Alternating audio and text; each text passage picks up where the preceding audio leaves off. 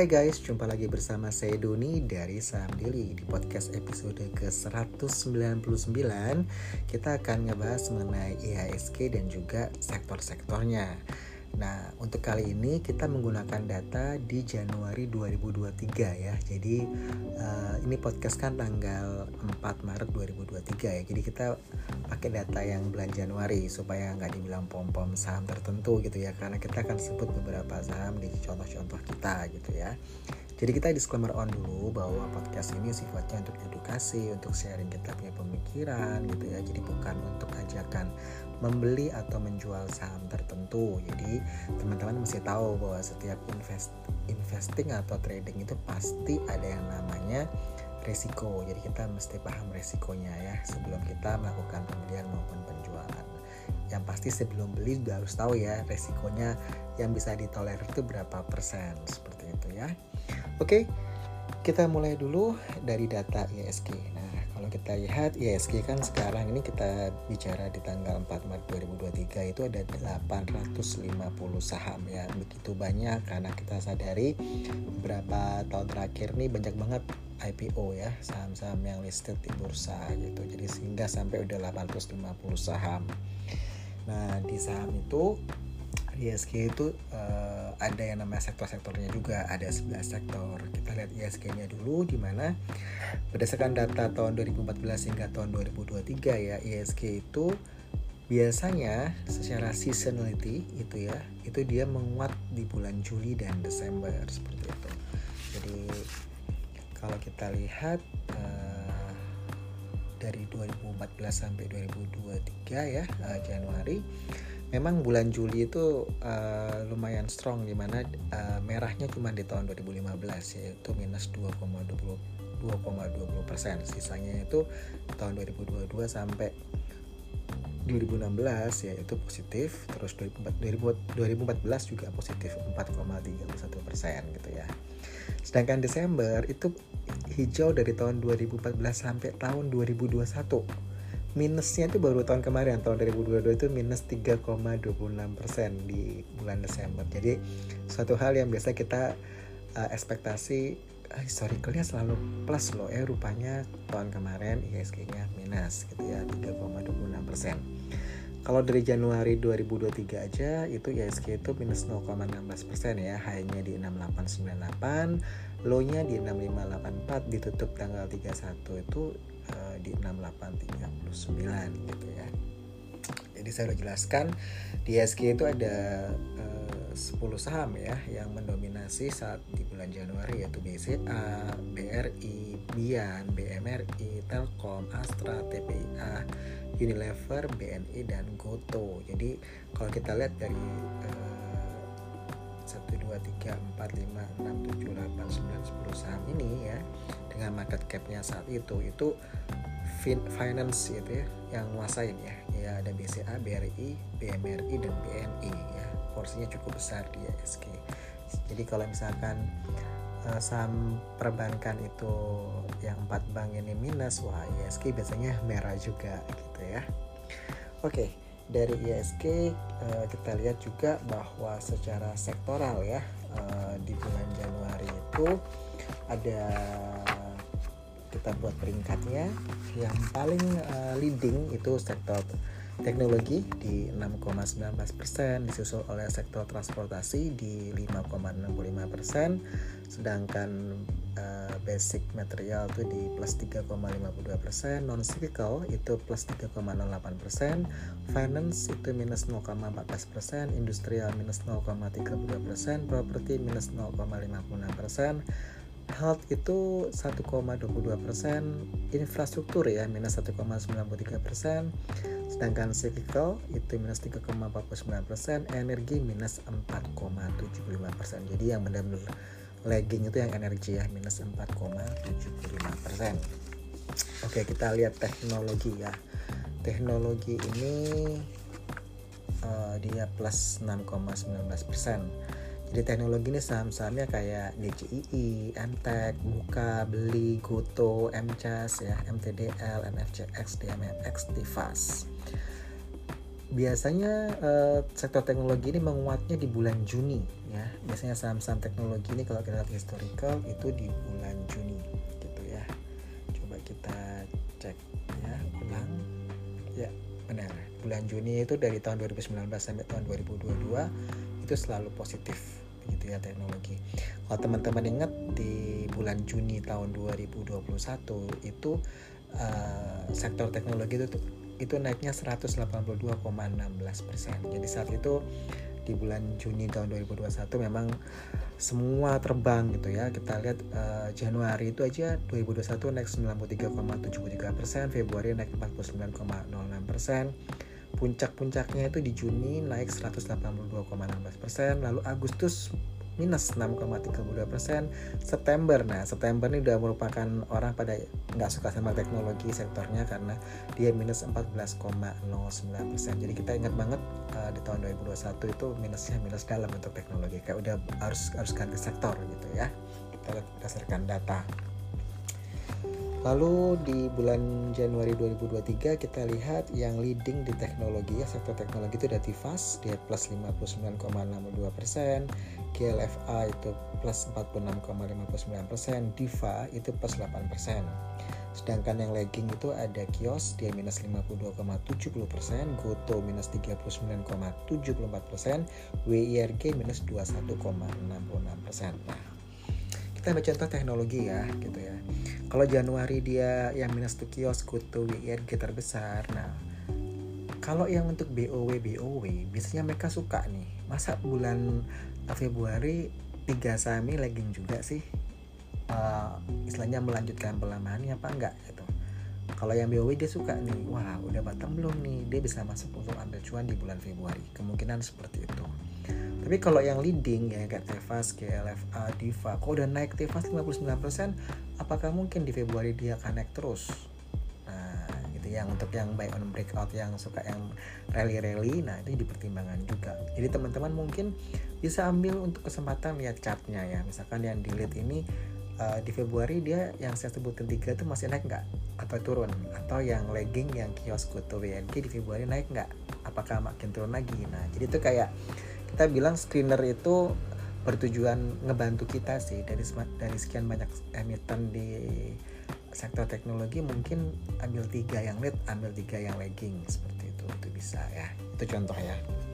E, makanya kita pakai data yang Januari bukan data Februari. Karena kan sekarang bulan Maret gitu. Jadi supaya eh, teman-teman juga mandiri untuk nyusun data yang di bulan Februari. Gitu ya belajar ya Lalu kita ke sektor yang kedua, sektor uh, transportation di mana dia di bulan Januari itu naik 5,63 persen ya, 5,65 persen sorry. Transportation. Nah, transportation ini kalau kita lihat uh, saham-sahamnya misalkan kayak Temas, BIRD, SMDR, ASA, BLTA, HATM, Taksi, Gia, LP dan Pura gitu ya itu salah satu uh, contoh-contohnya lah ya untuk IDX Trans. Kita coba cek di data kita uh, biasanya uh, transportation ini dia menguatnya itu di bulan Agustus, Oktober sampai Desember. Secara seasonality ya. Gitu. Kalau kita lihat uh, memang ADX Transportation ini dapat angin itu ya. Kalau kita lihat sejak di tahun 2021 ya September itu dia naik 13,21 persen. Di November dia naik 23,34 persen di tahun 2021 setelah itu tahun 2022 uh, masih lanjut naiknya ya. Jadi dari sejak sebenarnya transportation ini dia naik itu dari bulan Juli 2021 itu naik 6,58 persen lanjut Agustus 1,73 dan seterusnya. Di tahun 2022 Januari dia naik 6,60 persen Februari naik 4,55 persen. Puncaknya di bulan Mei ya. Di bulan Mei tahun 2022 itu ADX Transportation dan Logistik ini dia naik 21,82 persen gitu jadi untuk di Januari 2023 dia naiknya 5,65 persen. Gitu. jadi Agustus Oktober Desember itu uh, biasanya bulan-bulan di mana mereka majority itu naik gitu ya. Lalu untuk yang leading ya leading di bulan Januari 2023 itu ada BPTR dia naik 50,24 persen. Temas ya Temas itu naik 29,56 persen sedangkan BIRD uh, itu dia naik 14,54 persen. Untuk yang lagging itu ada GIA dia minus 51,96 persen. Kajen itu dia minus 33,15 persen. Heli dia minus 15 persen. Kita lihat ke sektor ketiga ada basic industry. Eh basic material ya. Basic material ini coba kita lihat data kita dulu basic material ya dia plus 3,52 persen ya eh, saham-sahamnya kayak MDKA, SMGR, BRPT, Antam, TPIA, INKP, INTP, Inco, BEPS, BRMS termasuk ADX Basic Material ya. Uh, biasanya untuk yang EDX basic material ya sektor basic material ini dia kuatnya itu bener-bener di bulan Agustus. Itu bener-bener absolut kalau kita lihat data kita ya. Tahun 2018 dia naik 2,51 persen di bulan Agustus. Tahun 2019 masih sama di bulan Agustus dia naik 8,99 persen. Di tahun 2020 dia naik 1,24 persen di Agustus. Tahun 2021 Agustus dia naik 1,02 persen. Di tahun 2022 dia naik 1,16 persen. Itu untuk basic material Sedangkan di bulan Januari 2023 yang leading itu sahamnya ada Antam dia naik 16,37%, BRMS dia naik 15,72%, MDKA dia naik 14,56%, yang lagging itu ada BEPS dia minus 19,59%, BRLA dia minus 14,02%, IPOL itu minus 13,37%. Oke, dari basic kita ke consumer non cyclical ya ini dia plus 3,08% di bulan Januari 2023 nah kalau yang non cyclical ini ya dia itu kuat banget. Uh, harga sahamnya itu ya itu di bulan Agustus. Ya betul.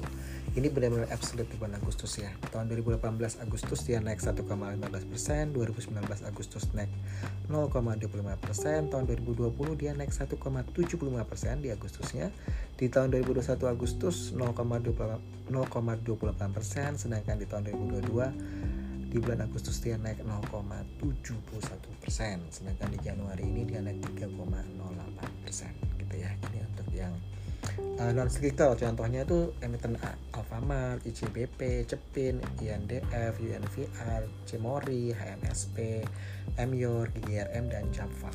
Di Januari 2023 yang leading di sektor non cyclical ini ada WMPP dia naik 41,89 persen. Ada gudang garam dia naik 27,78 persen.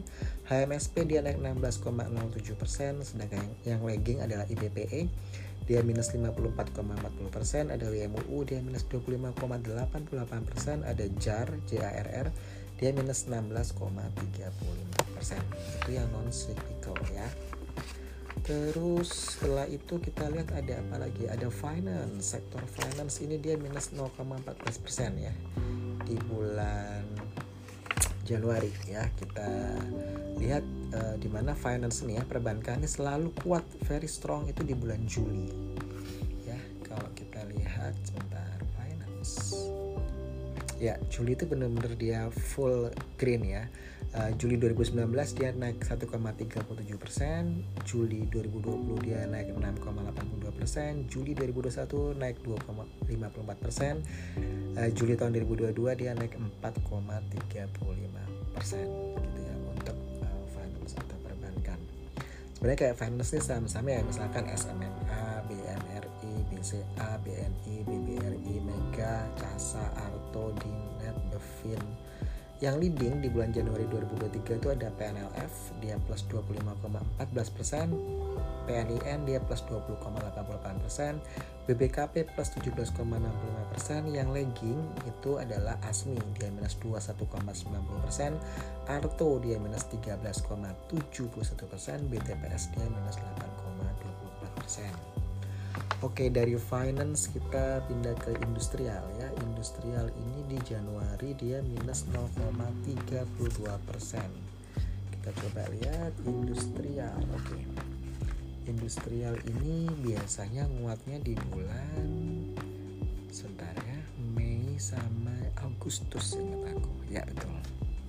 Jadi di bulan Mei itu kita lihat dia uh, sebenarnya nggak terlalu strong ya tapi uh, lumayan stabil lah di bulan Mei sama di bulan Agustus.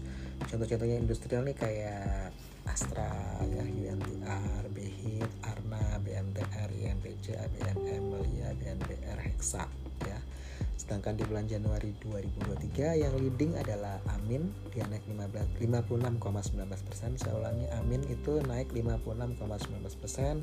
Samsini yaitu naik 19,91%. Melia MLIA itu naik 9,52%. Sedangkan yang lagging ya itu ada Koni dia minus 33,55 persen, pada dia minus 26,38 persen, SOSS dia minus 24,07 persen. Oke, dari industrial kita ke sektor apa lagi? Properti ya, properti ini dia minus ya. Nah, kita buka catatan kita dulu. Properti itu minus 0,56 persen di bulan Januari 2023 uh, jujur ya ini sebenarnya yang di properti itu jeleknya di bulan Januari. Itu very strong jelek. Coba kita lihat. Ya Januari itu tahun 2020 dia minus 9,43 persen 2021 minus 7,79 persen tahun 2022 dia minus 7,83 persen. Jadi Januari terus apa ya bulan uh, April juga nggak bagus Juni juga nggak bagus sebenarnya sih overall properti ini nggak ada yang bagus sih bulannya. Mungkin Juli lah ya kalau kita mau tulis uh, tapi nggak. Kayaknya emang belum dapat gaungnya ya untuk properti. Sesuai data. Dari properti kita pindah ke healthcare ya health uh, sektor kesehatan ini dia minus 1,22 persen uh, di bulan Januari ya contoh-contoh eh bentar properti belum? Ke ke keburu-buru ya properti ini saham-sahamnya contohnya kayak Ciputra ya SMRA BSDE Pakuwon MKPI MIRX BKSL LPKR RISE LPY LP ya. Tadi finance sudah sebutkan ya dan industrial tadi sebentar dia nggak kelewatan takutnya pas ini kelewatan. Oh nggak benar ya berarti yang uh, properti tadi udah disebutin contoh-contoh sahamnya untuk yang leading di properti di bulan Januari 2023 itu ada RDTX dia plus 28,57 persen, FMII dia plus 21,88 persen, MPRO plus 15,89 persen. Yang lagging itu ada BSBK dia minus 37,58 persen, NZIA dia minus 22,60 persen, Omre dia minus 19,75 persen. Oke dari properti kita ke health ya. Ke kesehatan dia ini di Januari dia minus 1,22 persen. Kita buka data dulu. Oke. Ini biasanya uh, untuk health ya. Dia itu bagusnya di bulan September dan November ya, gitu. contoh contoh saham health itu kayak KLBF, Hill, Mika, Sido, uh, Care, Silo, PRDA, Prey, ya, Same, BNHS gitu. Sedangkan di bulan Januari 2023 yang leading adalah MMIX itu plus 51,10 persen. Ada MTMH naik 11,43 persen, ada saham Prey ya PRAY itu dia naik 11,39 persen. Sedangkan yang lagging itu ada INAF dia minus 27,39 persen, RSGK dia minus 12,03 persen, sedangkan DVLA itu dia minus 7,59 persen dari health kita ke infrastruktur di mana dia minus 1,93 persen di bulan Januari 2023 ya.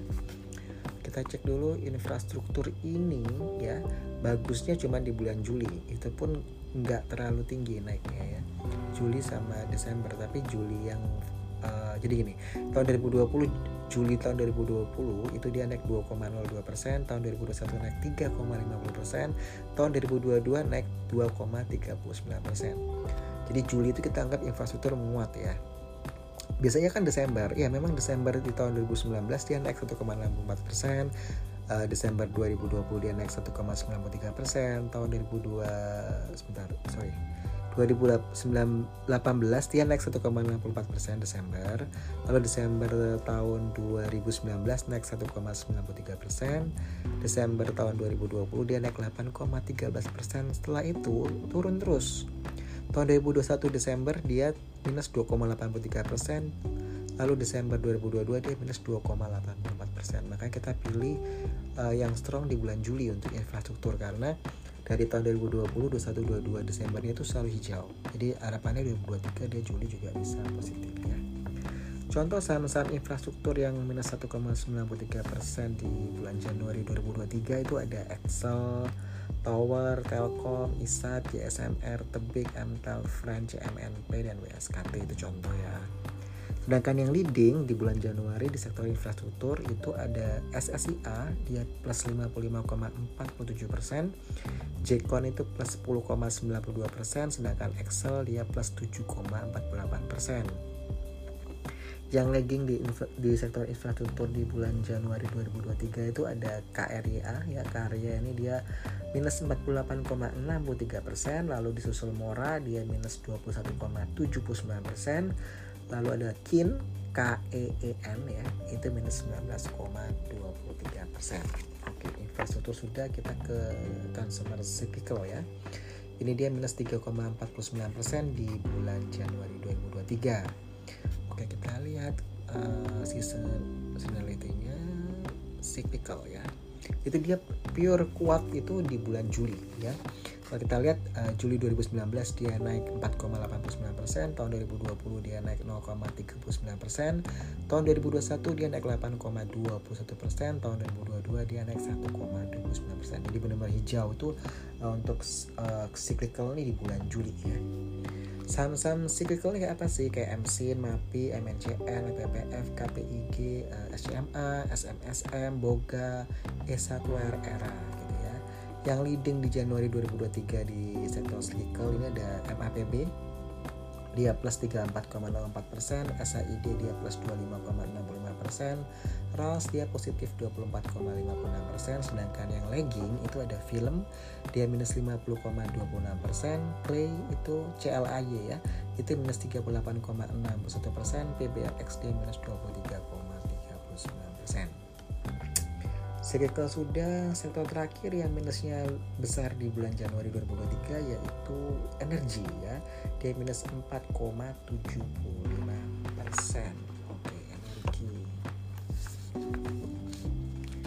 Tadi cyclical udah kita sebutin ya sama-sama oke sekarang energi energi itu minus 4,75 persen. Nah kalau energi ini juga gampang nih uh, kita akan tahu dia menguatnya di bulan apa aja. Energi itu menguatnya di bulan Desember. Jadi kita lihat di data di tahun 2018 Desember itu dia menguat 2,80 persen. Desember 2019 dia menguat 2, uh, 10,48 persen. Desember tahun 2020 dia menguat 5,84 persen.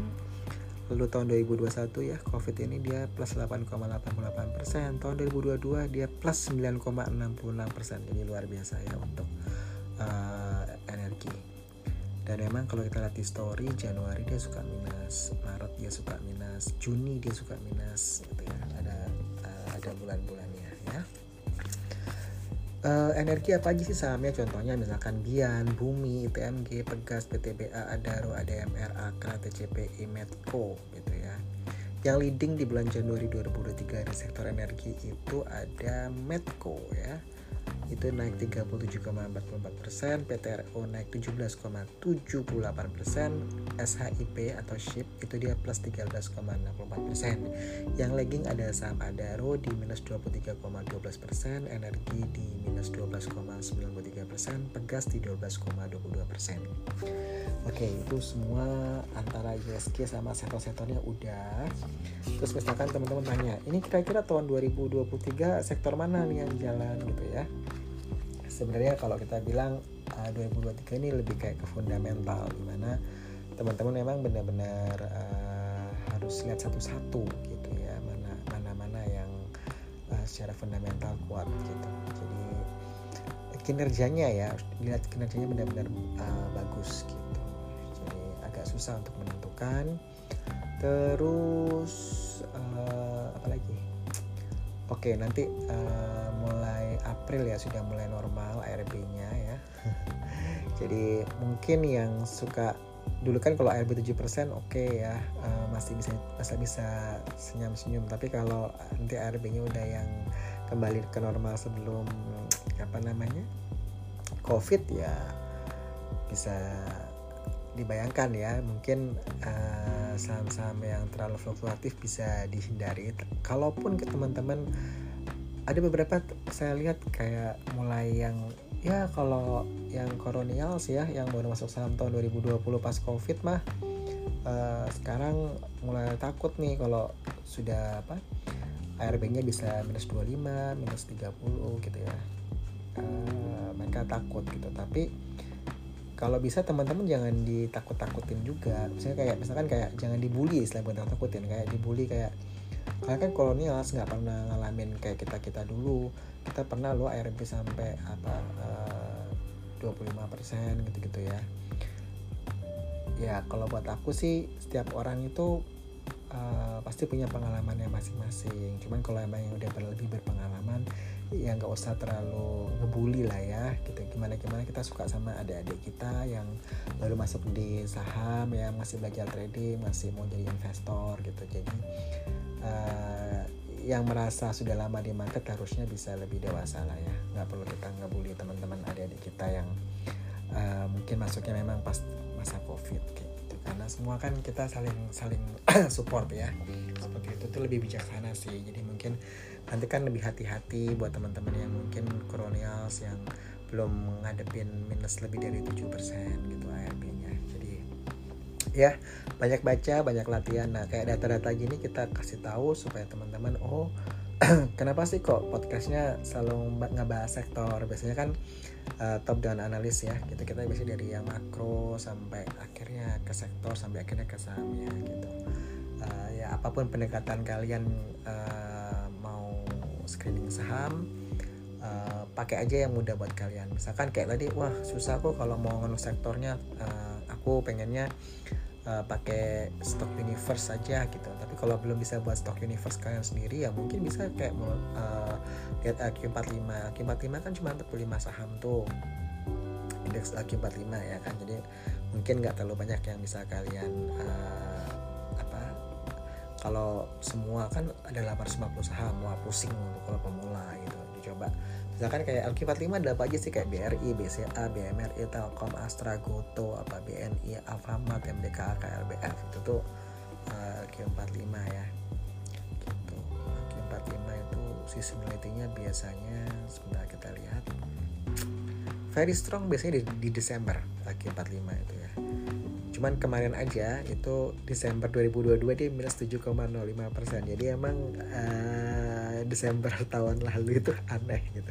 Karena kalau kita lihat data ya 2014 tuh biasanya LQ45 naiknya 1,38 persen. Desember 2015 dia naik 4,84 persen. Desember 2016 naik 3,19 persen. Desember 2017 naik 8,79 persen lalu di Desember 2018 dia naik 1,68 persen 2019 naik 6,03 persen 2020 Desember dia naik 5,87 persen. Tahun 2021 dia tipis banget naiknya di 0,05 persen. Desember 2022 dia minus 7,05 persen. Jadi ini benar-benar yang uh, di luar ekspektasi ya di mana AK45 bisa minus di bulan Desember. Sama kayak ISG minus di bulan Desember tahun 2022 itu ya Oke, okay, tadi udah panjang lebar kayak tinggi. Mungkin hampir setengah jam kita uh, bahas ini. Semoga bermanfaat buat teman-teman. Mungkin teman-teman bisa nyiapin data Februari 2023 gitu ya. Jadi uh, bisa belajar untuk buat database gitu ya. Oke, okay, saya Doni dari Sam Daily out. Bye bye.